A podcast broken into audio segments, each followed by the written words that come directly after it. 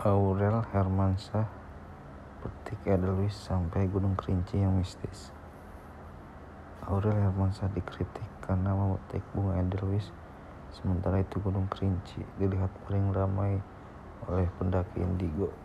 Dalam unggahannya Aurel sedang menggenggam bunga Edelweiss bunga Edelweiss atau Anaphalis javanica dilindungi dan dilarang untuk dipetik.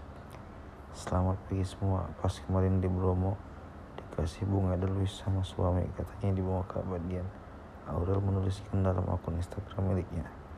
Unggahan itu pun menuai kritik dari netizen.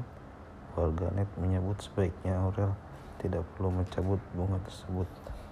Ya Allah sayang banget itu bunga dipetik ungkap akun Aruna. Bukannya bunga Edelweiss dilindungi ya? Kok siata ambil bunga Edelweiss banyak itu sih. Apakah tidak masalah memetik bunga yang dilindungi Mohon pencerahannya, akun lain menimpali.